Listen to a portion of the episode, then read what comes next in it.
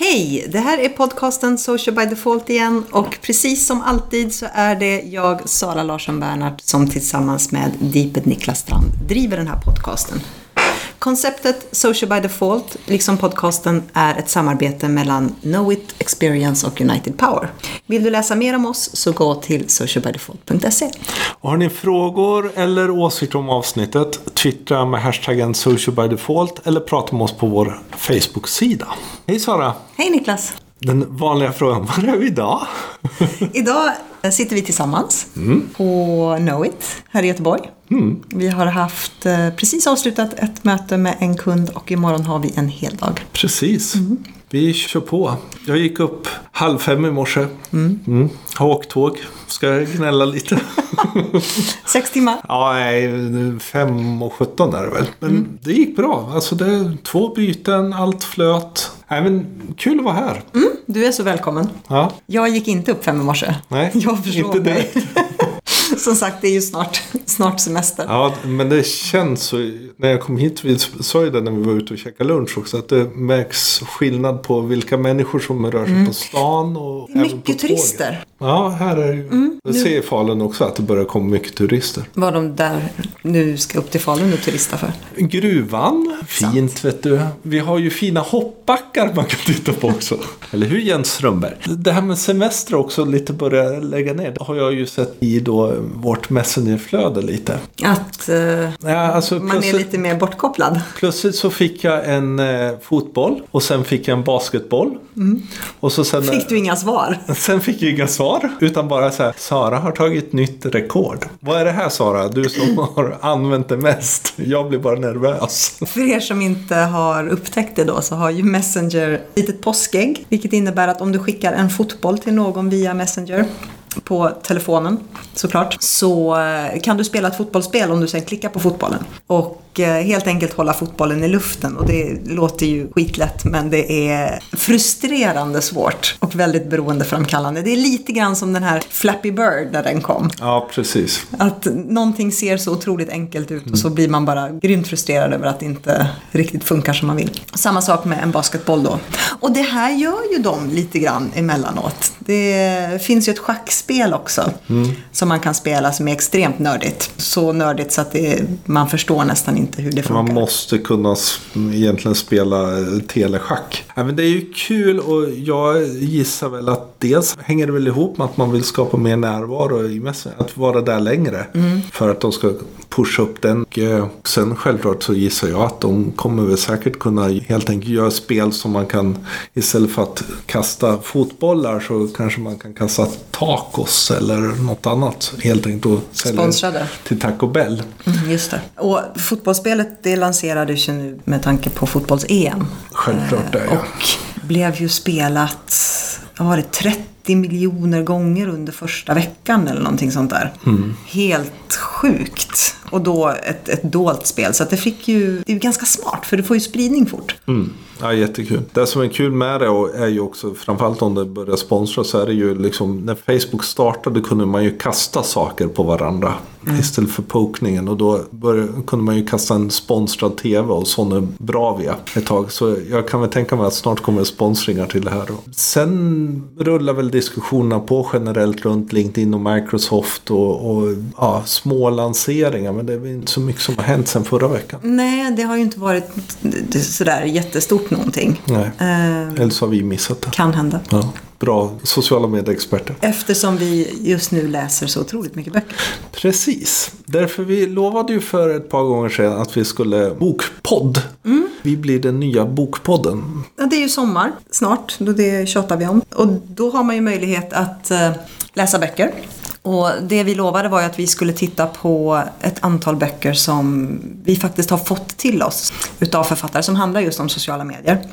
Någon har vi köpt och några har vi använt i vår kurs på Bergs. Eftersom vi alltid lever som vi lär så har vi ju läst igenom de här böckerna. Och jag tycker att de flesta är, är bra. Alla har ju olika syften. Lättlästa generellt. Men generellt också just det här med sommar och läsning kan, Mm. kan vara kul att fundera över. Sandstrand tummade pocketböcker um, som är lite lätt fuktiga som ligger i badväskan. Det har vi alla haft. De Mm. blir ju svårare och svårare att läsa ju längre semestern går om man inte läser ut dem. Vi är ju digitala så i sommar blir det väl mer sånt. Hur tänker du läsa i sommar? Alltså förra året så läste jag ju oväntat mycket böcker. Jag har ju inte läst på ett tag, men började läsa på iPaden och det var ju faktiskt tack vare dig. Jag fick ju ett presentkort.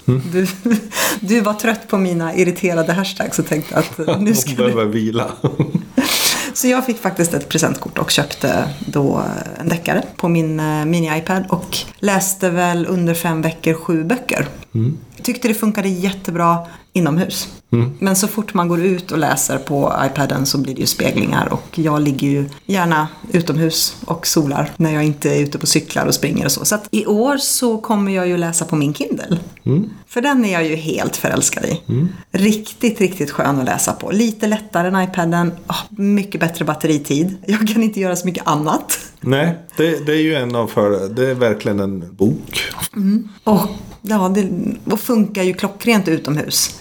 Nu har ju jag inte den absolut senaste versionen. Nej, du har ju Kindle Wifi tror jag den heter. Lite mindre också än Paperwhite och sådär. Mm, vilket jag gillar, för jag, är ju, jag har ju inte jättestora händer. Nackdelen med den är ju att du behöver en ljuskälla. Till skillnad från iPaden så behöver du en ljuskälla. Så att jag kan inte läsa, det finns inget night mode. Utan då får jag ha en liten lampa. Men det är ju lätt fixat, det har man ju när man läser vanliga böcker. Någon, någon som var snål i den pre presenten. Du då? Ja, jag ska ju göra en urban semester. Jag ska- ju typ jobb, jobba och vila lite sådär lagom i Falun. Tänkt i sommar. På balkong och i parken och så. Så det blir nog mycket iPad. Jag gillar ju inte att ligga i solen på samma sätt heller sådär och pressa. Jag är rätt sugen på en Kindle faktiskt. Men samtidigt kan jag känna att äh, men jag gillar att läsa på iPad. Funkar bra för mig. Sen tror jag jag kommer lyssna på mycket podd. Och det är också ett sätt att läsa fast med öronen. Men tänker du Storytel, alltså bok, bok eller alltså, podd? po- poddar också. Men sen också, jag har aldrig lyssnat på en uh, ljudbok. Jag har aldrig gjort det, Det faktiskt. Nej, dels, jag gillar ju att läsa. Jag läser ju eh, väldigt snabbt. Så för mig har det varit ja, vad ska jag göra det för? Ja, Och samtidigt också, ja, men jag kan inte lyssna på hela. Jag men, men jag har ju lärt mig av poddar nu att eh, jag kan avsluta och komma in i poddar. Mm. Jag, men, jag lyssnar ju på poddar som är två timmar långa. Så jag ska testa ljudbok. Ska testa någon som är riktigt bra så jag vet att jag Ja, skulle vilja läsa den. Men du får också kolla vem det är som läser. Ja, precis. För det Eh, tycker jag kan vara eh, en liten djungel. Nu, är ju de, nu har ju ljudböckerna funnits ganska Mm. länge så att de som är uppläsare har ju blivit bättre och bättre. Men eh, det gäller att man trivs med rösten och tempot och allt sånt där för att man verkligen ska kunna Mm. Och fastna. det är ju viktigt för mig, för jag kör ju ofta poddar och sånt på 1,5 fart. Mm. Och sen läser jag lite magasin. Så här, vår vän Skandevall har, är ju redaktör för Go Traveling. Där har jag, har jag ett antal nummer som jag vill läsa och lite, testa lite Redley och sådär. Helt enkelt läsa ikapp lite. Så. Go Traveling är ju då ett digitalt magasin. Mm, som man laddar ner till Som en telefon och iPad. Mm. Riktigt, riktigt snygg. Däremot så har vi då läst ett gäng böcker. Om sociala medier. Det är ju alltid lite knivigt när, när man skriver en bok om ett medie som är så föränderligt Mm. så fort. Jag vet att du har ju fått frågan tidigare om Alltså, att skriva böcker. Ja, och jag har ju extremt svårt för, för tanken att skriva bö- böcker. Just, framförallt om man går ner på också en mer operativ nivå på kanalnivå. Och så. Mm. För de böcker som skrevs för ett par år sedan är så gamla när man tittar i dem nu. Jag menar både om man då har bilder eller också siffror och statistik. Allting är så gammalt så det blir liksom, då är det bättre att använda digitala, alltså bloggar och så. Så där, där jag sa faktiskt nej när jag fick frågan att skriva bok för väldigt många år sedan. Böcker som sen Britt skrev själv som Mm. gick väldigt bra. Och det är jag jätteglad för och det är bra böcker. Så Men där har ju hon också hållit sina böcker på en nivå som gör att de håller längre. Ja, precis. Och, och det är väl kanske ett generellt tips om man ska skriva en böcker om en digital värld eller om om digitala kanaler. Att man behöver hålla det på en relativt övergripande strategisk mm nivå operativt men inte 90 gritty. Mm. För att man ska ha chans att boken faktiskt är relevant när den går till tryck. För det tar, alla vet ju att det tar ju ganska lång jättelång tid, ja. att skriva en bok. Och eh, då är det synd om man faller på sådana saker på slutet. Sen tycker jag generellt det blir lite komiskt. Framförallt genom att vi känner flera som har gett ut böcker och säger så Det blir så komiskt. Och nu har boken kommit och man vet att det är människor som lever digitalt. Och de blir bara lyckliga av att hålla det här biten döda träd i handen. Fast det där kan jag förstå. För jag menar, jag kommer ju från, jag är ju gammal trycksaks-AD.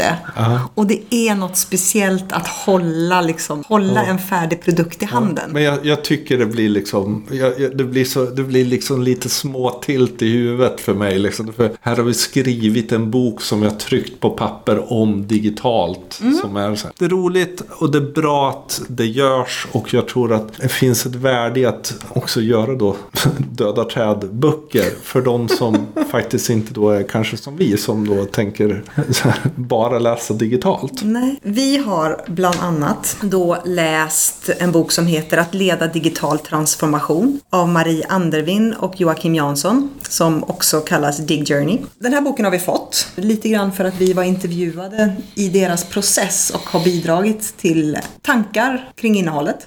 Mm, precis. Det får man ju ta med då att vi, vi har ju varit med och en liten bit och har diskuterat, jag och Joakim har diskuterat sådana här frågor ganska många år också till och från. Jag vill ändå, alltså även om det är så, alltså det är en fruktansvärt bra bok. Ja, den är Just riktigt- runt digital transformation. Den är riktigt bra. Och det som jag gillar med den är ju att jag förstår. Den är skriven på ett sätt som gör att man behöver inte vara superdigital eller superlångt fram i den här digitaliseringsprocessen och förstå massa svåra ord och, och kunna tolka knepiga bilder och så här, Utan den är skriven på ett sätt som faktiskt passar de som, som är inne i den här processen och behöver driva, driva den vidare så att man förstår vad man behöver göra och hur man ska tänka. Precis, det, för det är ju verkligen liksom steppa upp nästa steg. Att verkligen titta på hela organisationens Mm. digitala transformation. Det är ju inte bara kommunikation även om det är en viktig bit i det. Och de har ju då en modell som de presenterar som verkligen steg för steg i det här. Men det är inte så här hands-on utan det, det ligger på ett antal nivåer. Det är intervjuer insprängda i det. Så. Mm. Bra upplägg. De har ju hållit på med det ganska många år. Så Ja, när träffade vi dem? För tre Ja, år sedan två år kanske. sedan tror jag. Pedagogisk, eh, matig med bra koppling också till online-innehåll har de. Bra present till styrelse, ledning, chef.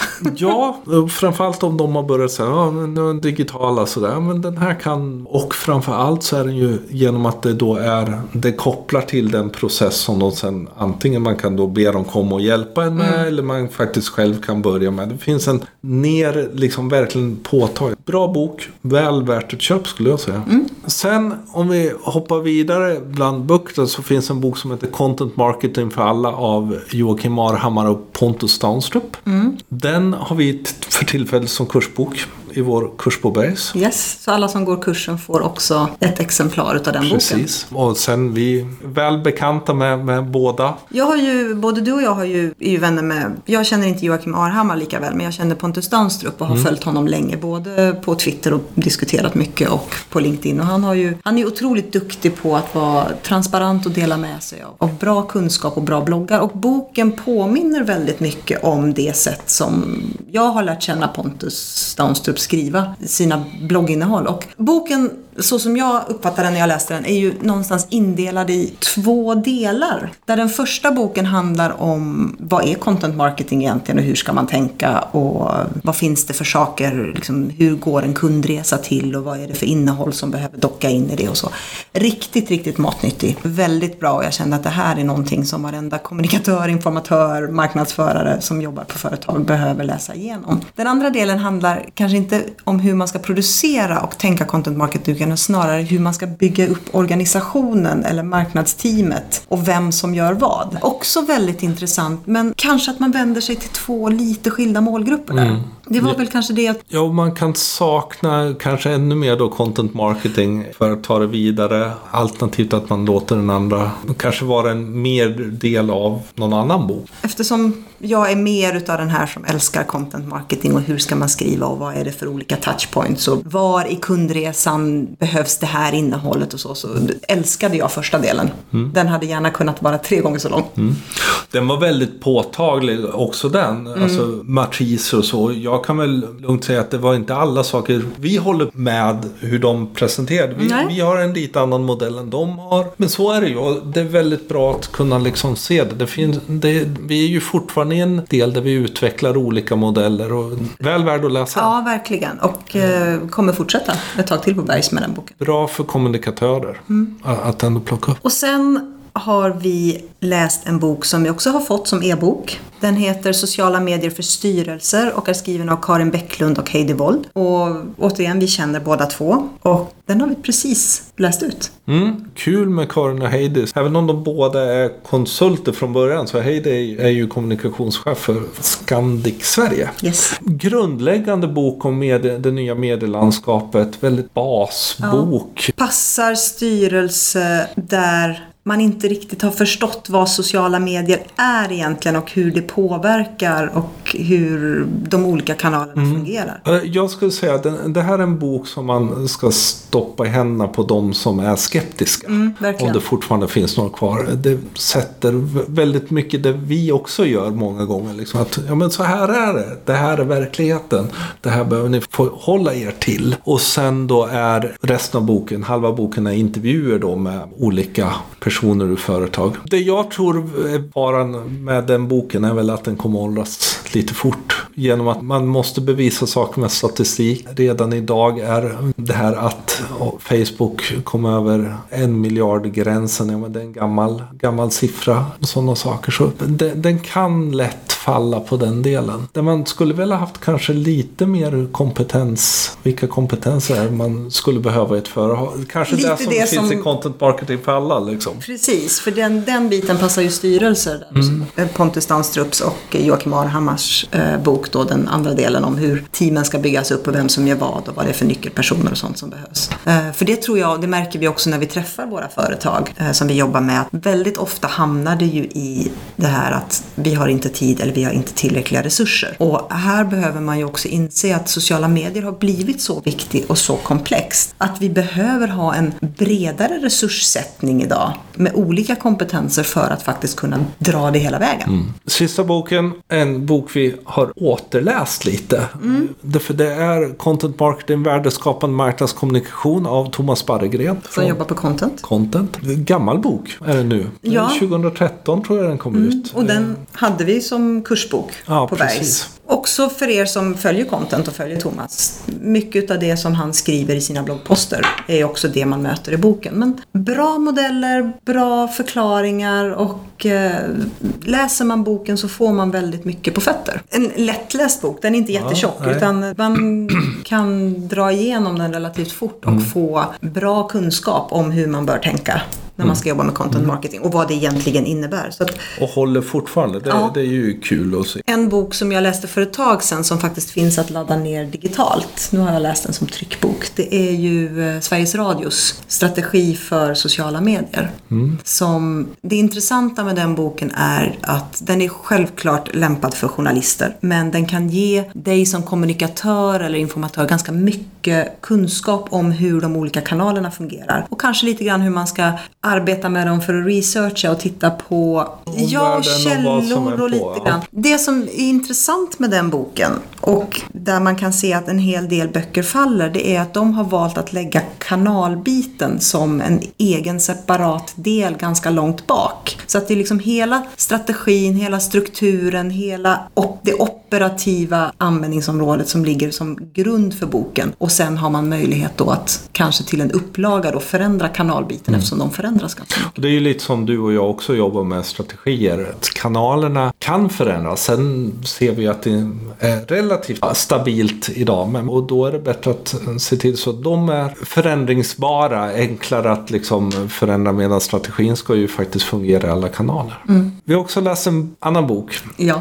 Som inte är svensk, som vi inte känner författaren, som eh, vi har köpt som vi läser mycket för vår dag på internetdagarna som vi nu har pratat om i varenda podcast. Och det är då So you've been publicly ashamed av John Ronson. Och det handlar helt enkelt om personer som har uttalat sig olämpligt, twittrat olämpligt, gjort någonting som sen har fått sociala mediemobben på sig. Och man märker när man läser den här boken, om man har funnits på Twitter ett par år, att man känner igen många av de här historierna. Bland annat då eh, Justine Sackos oförargliga tweet när hon skulle stiga på flyget till Sydafrika och skrev I hope I don't get AIDS going to Africa. I'm just kidding, I'm white. Mm. Hon hade 170 följare på Twitter. Mm. Hon brukade göra ganska tokiga uttalanden, sådär lite roliga grejer med humor. Tyckte att det här var en kul grej att skriva. Hade en kompis som retweetade som hade en följare med över 10 000 följare och sen så trendade hon på Twitter efter det. Mm. Och hon jobbade... Med hashtaggen Has Justin landed yet? Precis. Och den här boken är ju intressant utifrån perspektivet att författarna, författaren skriver en sak i boken som, som jag har fastnat för. Den enskilda snöflingan känner sig inte ansvarig för lavinen. Och det är, ganska, det är ganska tungt. Lyssna på det igen. Den enskilda snöflingan känner sig inte ansvarig för lavinen. Och det här ser vi ju om och om igen när någonting händer på Twitter. Och man bara rycks med och skriver någonting. Men ser inte att det kanske är 10 000 andra som skriver samma sak till den här personen. Senast jag reflekterade över det var ju nu faktiskt under fotbolls-EM. Det var en förbundskapten som råkade då klia sig i byxan och lukta på sina fingrar efteråt och det eh, fångades på en, eh, en tv-kamera mm. och har då som en liksom, GIF valsat runt på mm. Facebook och Twitter. Det här är ju någonting som man kanske, han gjorde ju det visserligen offentligt men ändå privat och här då så blir han förödmjukad om och om och om och om igen. Och vi bara delade det vidare för att det var lite kul. Mm. Och det händer ju sånt här så otroligt många gånger. Alltså det är en tänkvärd bok. Jag, jag tycker också alltså det är relativt lite slutsatser. Det är en, alltså, han bara berättar ett antal historier mm. om människor som då har blivit på olika sätt uthängda. Det är liksom även vanlig medieuthängning. Och, mm. alltså, bra bok för oss som är väldigt vana internetanvändare. Ja. Och helt enkelt lätt ibland kanske blir den där snöflingan som tänker ja men det här var kul och så bara kör man liksom. Och jag var ju med i Justin Sacco-delen. Och ja, du gjorde väl en storyfy på den? Ja, jag har gjort en storyfy på, på det som hände. Var nog säkert med och det twittrade och roade mig på hennes bekostnad. Väl värd att läsa faktiskt för oss som är, har varit med.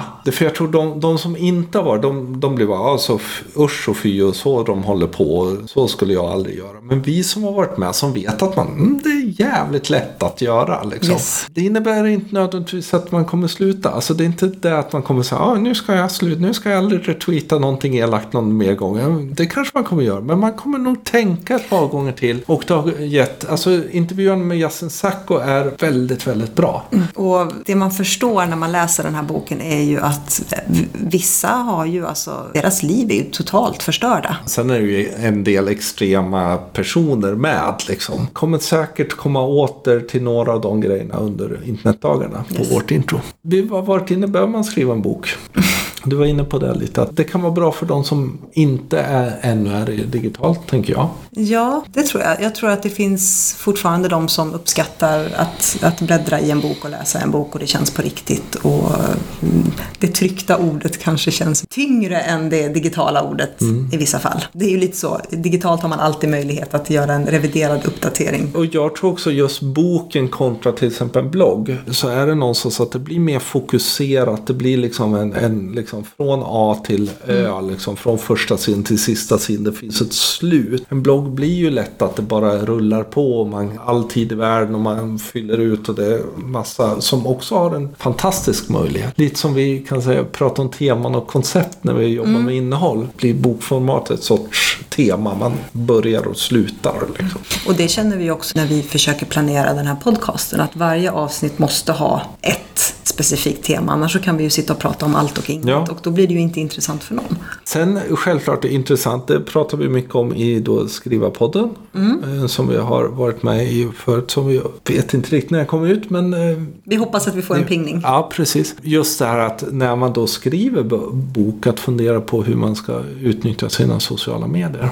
Det jag tänker direkt på är ju liksom att under tiden att faktiskt också kunna kanske ge ut lite teasers. Att, att berätta, alltså berätta att man gör det. Alltså det, det behöver inte vara hemligt. Och Alltså någonstans precis som man gör en lansering, att man bygger upp förväntan inför. Precis. Så att man inte bara, nu, nu har vi skrivit en bok, nu släpper vi den. Utan för att få spridning, för att väcka nyfikenhet så behöver man jobba strategiskt både före och under skrivarprocessen då, när man, innan releasen av boken. Även under releasen, men kanske också efteråt. Sen tror jag också generellt, lite som man tittar på att leda digital transformation, också fundera hur kan man utnyttja digitalt för att ta det vidare när det gäller metoder och, och filmer och liknande. Hur kan man koppla ihop böcker? Det tror jag generellt vi kommer få se mer att även om du gör en bok så kommer du lägga in mer film, mer sådana saker. Mm. Ska vi skriva en bok då? Jag vet inte. Ljudbok kanske? Ljudbok.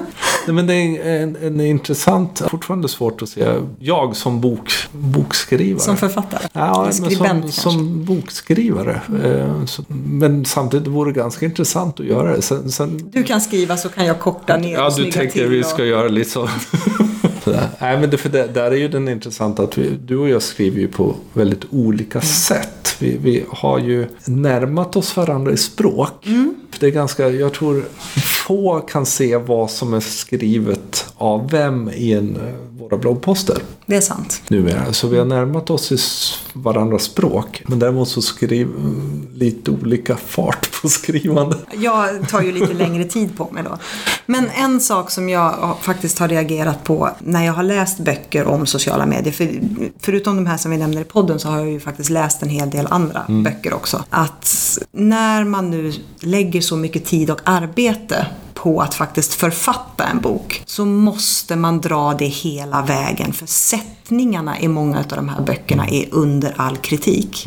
Det är fula avstavningar, det är gluggig text, det är för mycket text eller för Alltså man behöver, det handlar inte bara om innehållet utan det handlar om hela upplevelsen och i, jag ska inte säga nio fall av tio så faller oftast böckerna på att upplevelsen, sättningen av val av typografi och sättningen av text och bild inte riktigt når hela vägen fram. Nej, oerhört viktigt. Och det är oerhört viktigt i digitala böcker också. Definitivt. Så, så det är inte så att det är enklare då. Det var det. Det var Vår det. bokpodd. Det var så självklart lägger vi in länkar till de här böckerna som vi har läst om på podcast.socialbydefault.se och eh, återigen, tack för att ni är så många som lyssnar. Det är jätteroligt. Viktigt att säga det. Vi har ingen avans och så på de länkarna. Nej, nej. Utan det här gör vi utav gör intresse. Eh, glöm inte att prenumerera på podcasten. Vi ska försöka hinna ett avsnitt till, eller hur? Mm. Lite Almedalssnack får det bli Ja, lite sånt där och lite eh, follow-ups och så. Vi har ju liksom lite tid kvar. Men sen kommer det vara lite radiotystnad under juli. Men prenumerera ändå. Därför dels finns det gamla avsnitt och eh, sen så vet ni då när den kommer. Och eh, glöm inte, prata med oss. Social by default är hashtaggen och eh, vi finns på vår Facebook-sida och även på Instagram. Och jag heter atdeeped och du heter At Sanasi. precis. Så till nästa gång, ha det jättebra och njut av sommar och sol. Hej då!